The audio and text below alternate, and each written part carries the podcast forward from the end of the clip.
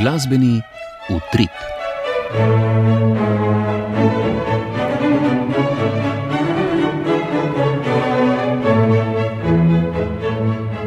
Spoštovani poslušalke in poslušalci, lepo pozdravljeni.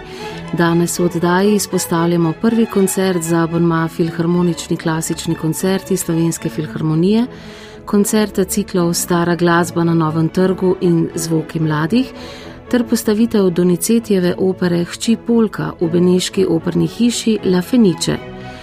Ozrli se bomo tudi v Koper, ki bo ta konec tedna v znamenju festivala Kitarika. Oddajo povezujem Ana Marija Štukal Kuzma, vabljeni k poslušanju.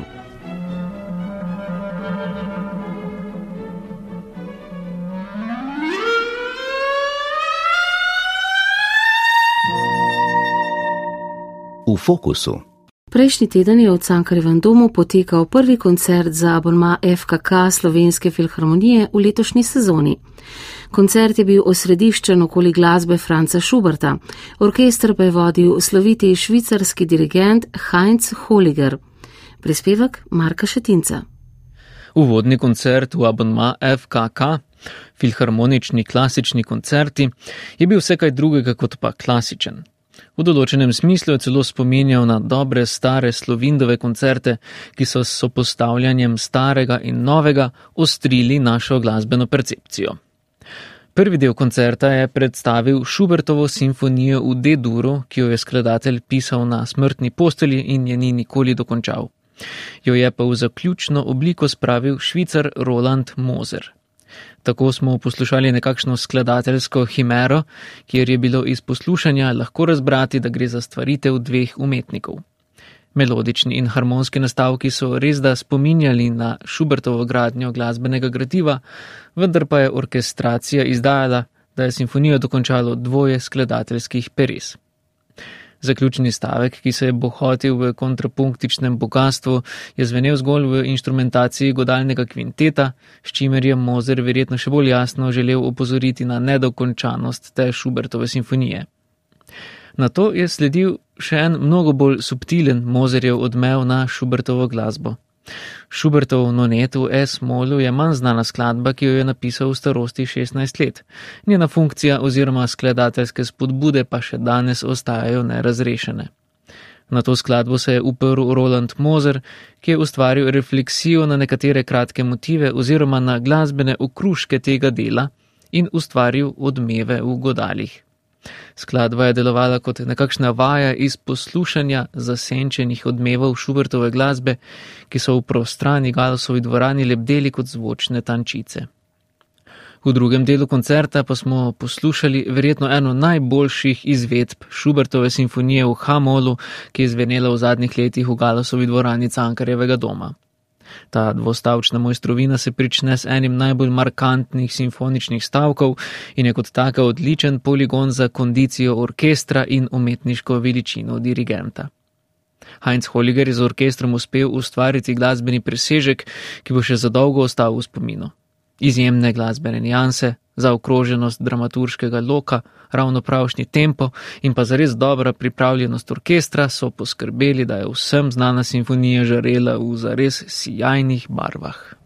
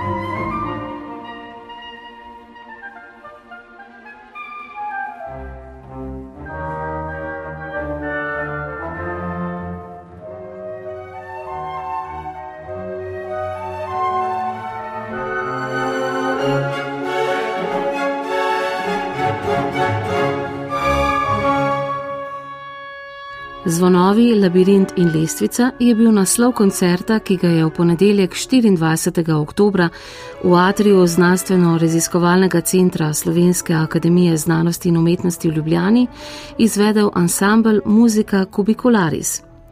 Poleg gambista Domna Marinčiča in čembalista Tomaža Sevška sta tokrat nastopili še Taja Meznarič z baročno prečno flauto in francoska glasbenica Alice Julien Laferrière z baročno violino. Na koncertu cikla Stara glasba na Novem trgu so bila tokrat samo tri dela, ki jih je napisal francoski skladatelj, rojen v drugi polovici 17. stoletja, Maran Mare. Tri precej nenavadna dela se redko znajdejo na koncertnih sporedih. Izbral jih je umetniški vodja ansambla Domen Marinčič, ki je znan potem, da rad odkriva stare partiture in jih predstavlja sodobnemu občinstvu. V prvi skladbi smo lahko slišali posnemanje zvonov iz pariške cerkve svete Genovefe. Motiv treh tonov se v basu pojavi na tanko 300 krat, a skladba kljub temu ni dolgočasna. Skladba Labirint je že ob izidu leta 1711 vzbudila veliko pozornosti. V njej skladatelj številnimi modulacijami slika tavanje izgubljenega v labirintu. A vedno, ko se zdi, da se bližamo izhodu, nova modulacija pokaže, da je bila izbrana napačna pot. V srednjem delu večera pa je bila več kot polurna skladba Lestvica, v kateri skladatelj vrsto kontrastnih motivov spretno uporabil v postopu lestvice navzgor in navzdol. Domen Marinčič, ki od lanskega leta deluje tudi kot profesor na Visoki šoli za glasbo v Hamburgu, je tokrat povabil odlično francosko violinistko Alice Julien Laferrière, ki je na baročni violini spretno poustvarjala zahtevne pasaže.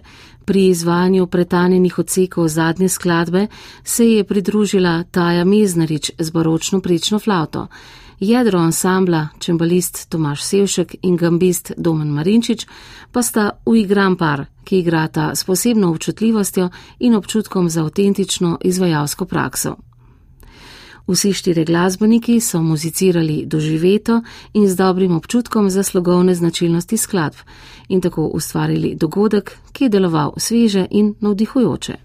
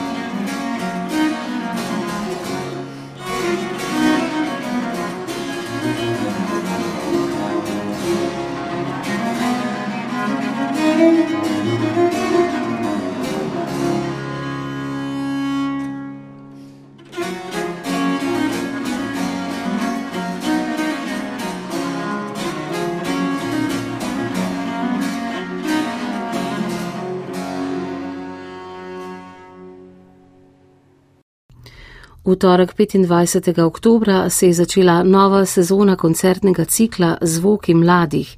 V rdeči dvorani magistrata sta se predstavila violončelistka Kim Kozlevčar in trio Ašonte. Več v prispevku Katarine Radaljec. Prvi del koncertnega večera je pripadal podiplomski študentki violončela Kim Kozlevčar, ki na Akademiji za glasbo v Ljubljani študira v razredu profesorja Miloša Mlejnika. Najprej je prepričljivo izvedla ekspresionistični madrigal za violončelo solo Pavla Merkuja. Dobro je pričarala spremembe razpoložen različnih glasbenih fragmentov, od osrednje lirične teme do energičnih, hitrih pasaž in postopov. Spretno so zazveneli tudi umestni pizzicato deli ter flažoleti. Balado za violončelo in klavir Marjana Lipoška je Kim Kozlevčar izvedla skupaj s pianistko Si Li.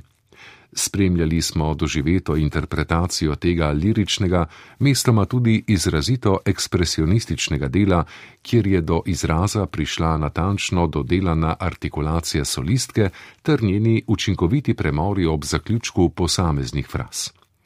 Tako je dobro ohranjala napetost skladbe ter jih hkrati pustila, da zadiha. Osnovno temo sta glasbenici vedno znova pripeljali v ospredje s posebno pozornostjo in svežino. Sledila je še izvedba Debisijeve sonate za violončelo in klavir, ki predstavlja svoje vrsten tehnični izziv z več razširjenimi tehnikami igranja na violončelo. Slednje pridejo do izraza zlasti v drugem in tretjem stavku sonate, ki se izvajata ataka. Pizzicato z levo roko, ki imitira igranje kitare, tehnike lokovanja, kot sta spiccato in flautando, ter razširjena tonalnost in kromatizem. Vse to je samo osnova, na kateri mora graditi izvajalec ali izvajalka. Kim Kozlevčar je skupaj s Sili dobro nadgradila tehnični aspekt izvedbe dela ter se v suvereni in sproščeni interpretaciji skladbe občinstvu predstavila kot zrela glasbenica.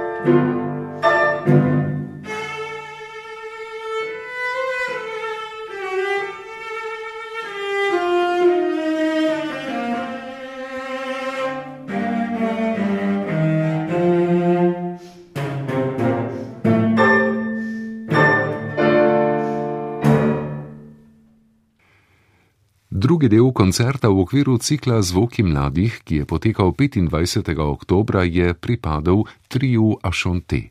Sestavljajo ga pianistka Klara Lužnik, violinistka Zala Frangeš in violončelist Ariel Vej Atanasovski, ki študirajo na Univerzi za glasbo in upodabljajočo umetnost v Gracu z izvedbo skladbe Neizbežnost Petra Kopača, ki slogovno meji na minimalizmu in postromanticizmu, so občinstvo navdušili svojo mirno in ekspresivno igro. To vrstne počasne skladbe, kjer je vsak ton izpostavljen, neizmerno pomemben ter mora zazveneti z vso svojo kvaliteto, barvo in intenziteto, so interpretacijsko še posebej zahtevne. Violinistka in violončelist sta lok skoraj neslišno nastavljala na strune, prav tako občuteno je svoje prijeme odmerjala pianistka.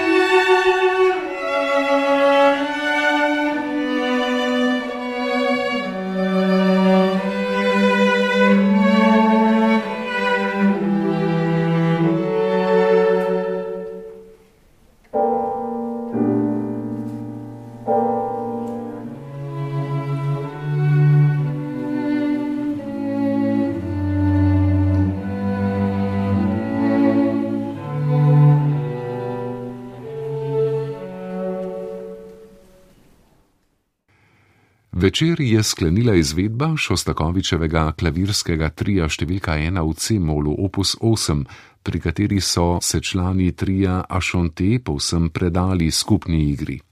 V ospredju izvedbe so bili prehodi, navezovanje in dialogi med posameznimi inštrumenti, ki so jih nastopajoči odigrali z veliko občutljivosti in toplega navdušenja nad predajanjem glasbenega materijala.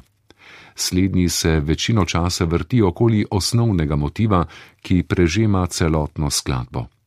V osrednjem delu se z njim izvajalci poigravajo tudi posamično. Tako smo dobili v pogled še v solistično igro članov trija Ašonte, ki je bila, prav tako kot njihova skupna igra, na visokem poustvarjalnem nivoju.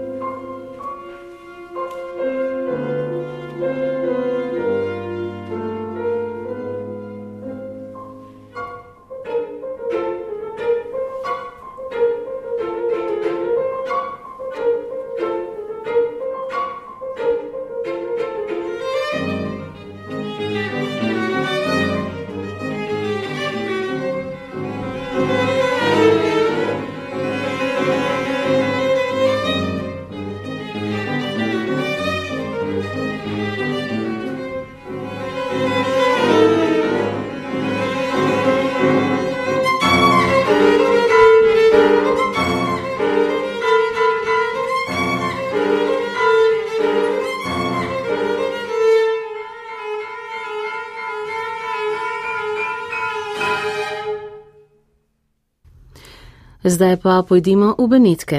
Konec prejšnjega meseca so v tamkajšnji operni hiši La Fenice uprizarali Donicetijevo opero Hči Polka. Predstavo, ki je bila na sporedu 20. oktobra, si je ogledal Dajan Jurovič.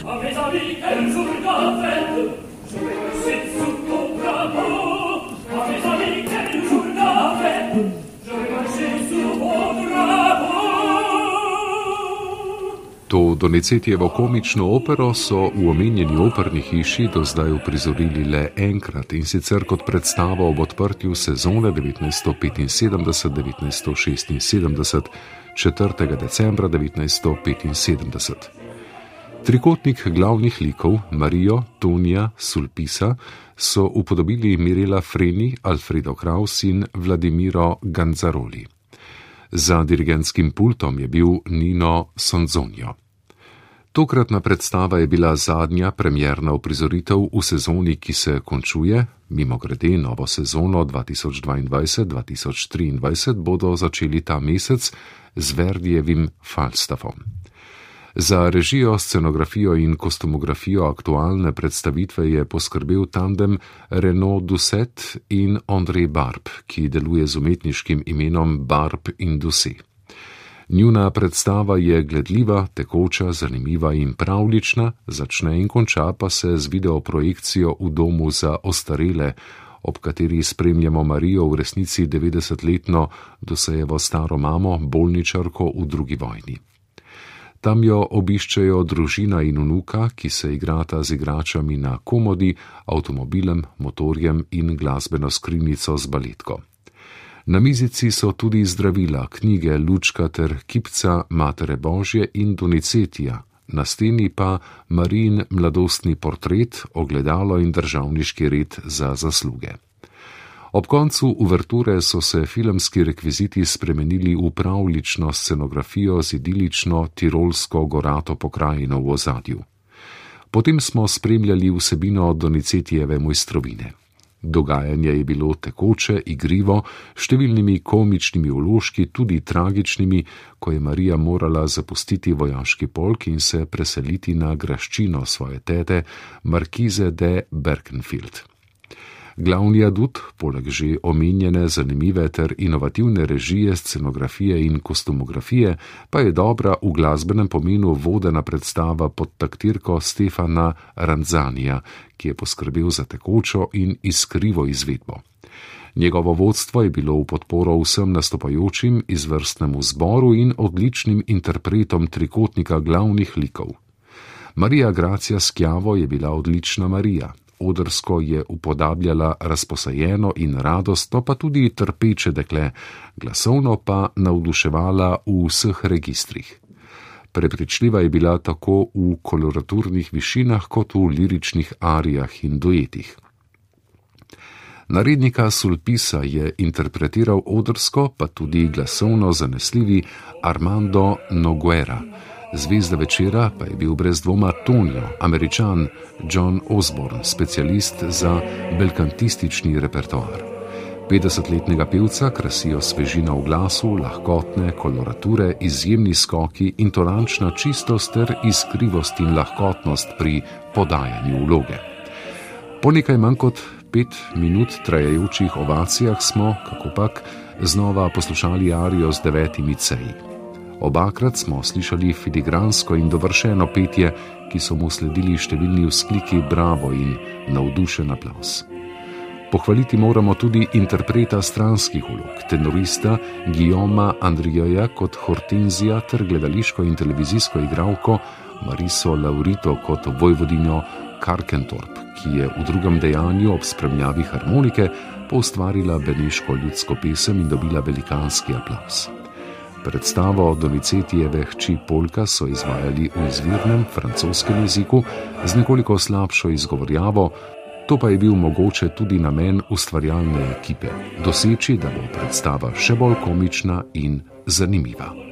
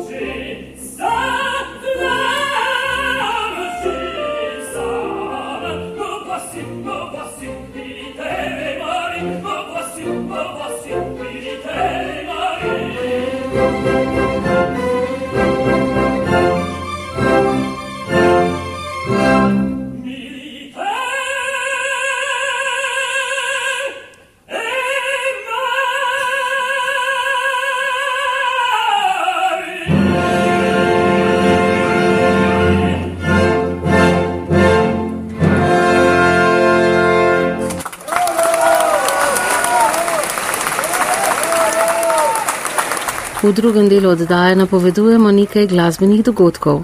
V petek se v Kopru začenja festival Kitarika, ki bo do nedelje v dvorani svetega Frančiška koprskemu občinstvu ponudil tri koncerte svetovno uveljavljenih kitarskih virtuozov. V dvorani glasbene šole Koper pa številna predavanja in mojsterske tečaje za mlade kitariste. Podrobnejši program bosta v imenu organizatorjev kulturnega društva Kitarika predstavili profesorici Martina Kocijančič in Tanja Bricel Vatovec. Pred mikrofon ju je povabila Leja Hedžet.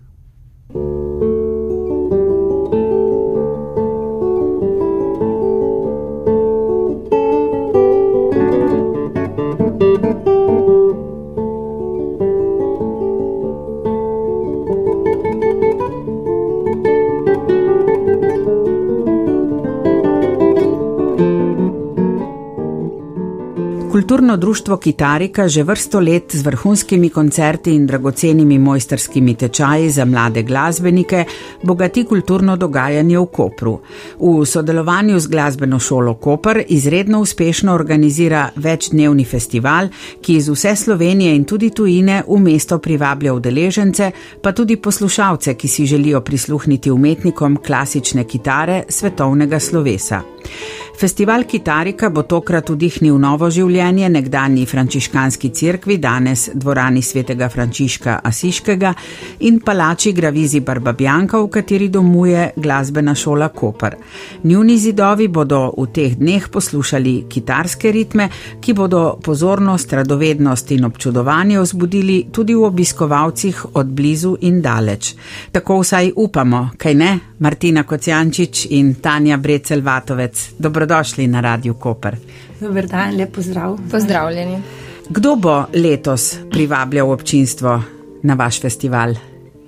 Gosti letošnje izvedbe festivala Kitarika bodo koncertanti Zero Duo, Jaka Klun in Roberto Batino, potem kitarist svetovnega slovesa Petrit Čeku iz Republike Kosovo in Šombor Sido iz Mačarske, mladi virtuost, ki se bo predstavil z godalnim kvartetom Akademija.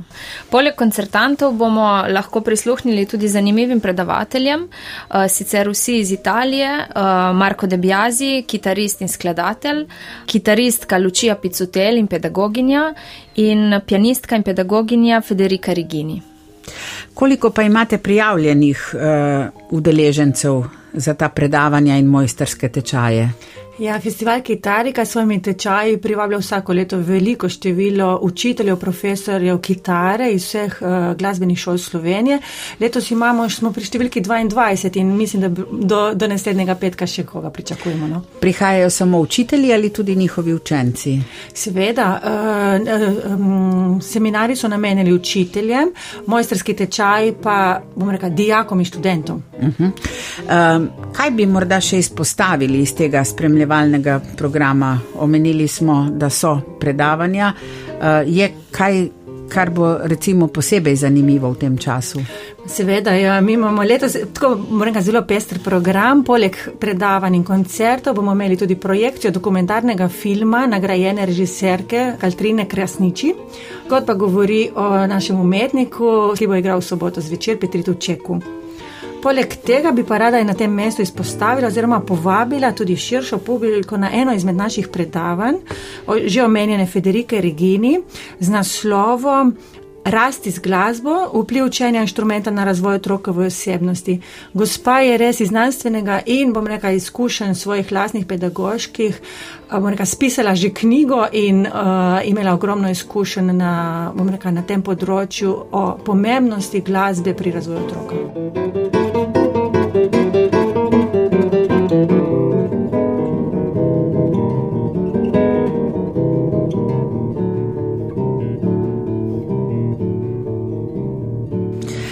Lahko povemo še kaj več o koncertih, ki so tudi namenjeni širšemu občinstvu. Mhm. Na prvem večeru, uh, kot smo že omenili, se bo predstavil duo, uh, Zero Duo, uh, v zasedbi Jaka Klun in Roberto Batino. Jaka Klun je domačin iz Izole. Um, naslov koncerta Allegro Conspirito nas bo popeljal skozi glasbe Piazzole, Rodriga, Defaje, Albeniza in drugih, tako da program bo res zanimiv. Drugi večer bo uh, posvečen Bahovi glasbi. Imeli bomo možnost prisluhniti izjemnemu virtuozu Petritu Čeku, ki bo Bahove suite za violončelo solo izvedel na kitari, ena izjemna, bomo rekli, svetovna poslastica, prvič v Sloveniji. Na tretjem večeru bomo lahko prisluhnili mlademu mačarskemu kitarskemu virtuozu Šomborju Sido, ki se bo v prvem delu koncerta predstavil solo programom, v drugem delu bomo pa lahko prisluhnili kvintetu za kitaro in uh, godalni kvartet uh, Marija Kastelnova Tedeska v zasedbi um, Šomborja in godalnega kvarteta Akademija.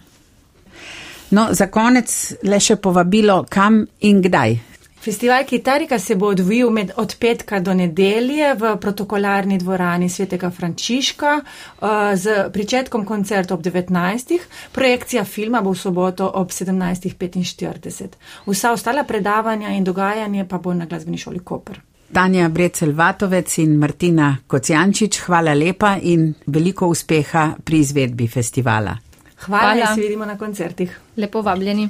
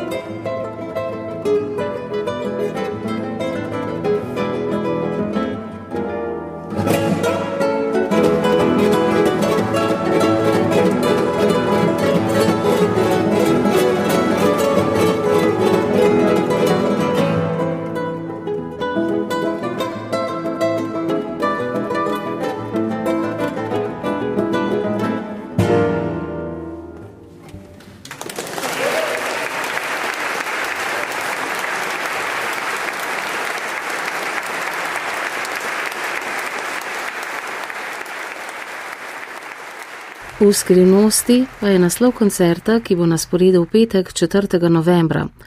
O skrivnostih življenja in smrti bosta v glasbenem jeziku na bonmajskem koncertu VIP spregovorila zbor in instrumentalni ansambl Slovenske filharmonije, ki jo bo vodil priznani estonski dirigent Tonu Kaljuste. V veliki dvorani Slovenske filharmonije boste izvedla rekvijem Alfreda Šnitkeja ter skladbo Miserere Arva Perta, ta bo tudi prvič izvedena v Sloveniji. Koncert bo, kot so zapisali v koncertnem listu, osvetlil sodobnejše glasbeno ustvarjalne pristope k večnim vprašanjem o življenju in smrti ter krivdi in odpuščanju. Rekvijem ruskega skladatelja Alfreda Šnitkeja je bil v 70-ih letih prejšnjega stoletja v Moskvi sprva predstavljen in izveden pod pretvezo, da gre za glasbo v gledališki produkciji Šilerjevega Don Carlosa. Nenavadna inštrumentacija dela med drugim vključuje električno kitaro in zanimiv izbor tovkal, med katerimi izstopajo zvonovi. Estonski skladatelj Arvo Pert, ki spada med ene najvidnejših sodobnih ustvarjalcev sakralne glasbe, pa je skladbo Miserere napisal v kompozicijski tehniki Tintinabuli. Ta je kot ena osrednjih tehnik duhovnega minimalizma zaznamovala številne sodobne glasbene stvaritve. Tintinabuli obenem odraža tudi skladateljev osebni življenjski nazor, temelječ na krščanskih vrednotah ter prepleten s tremenjem po resnici in lepoti.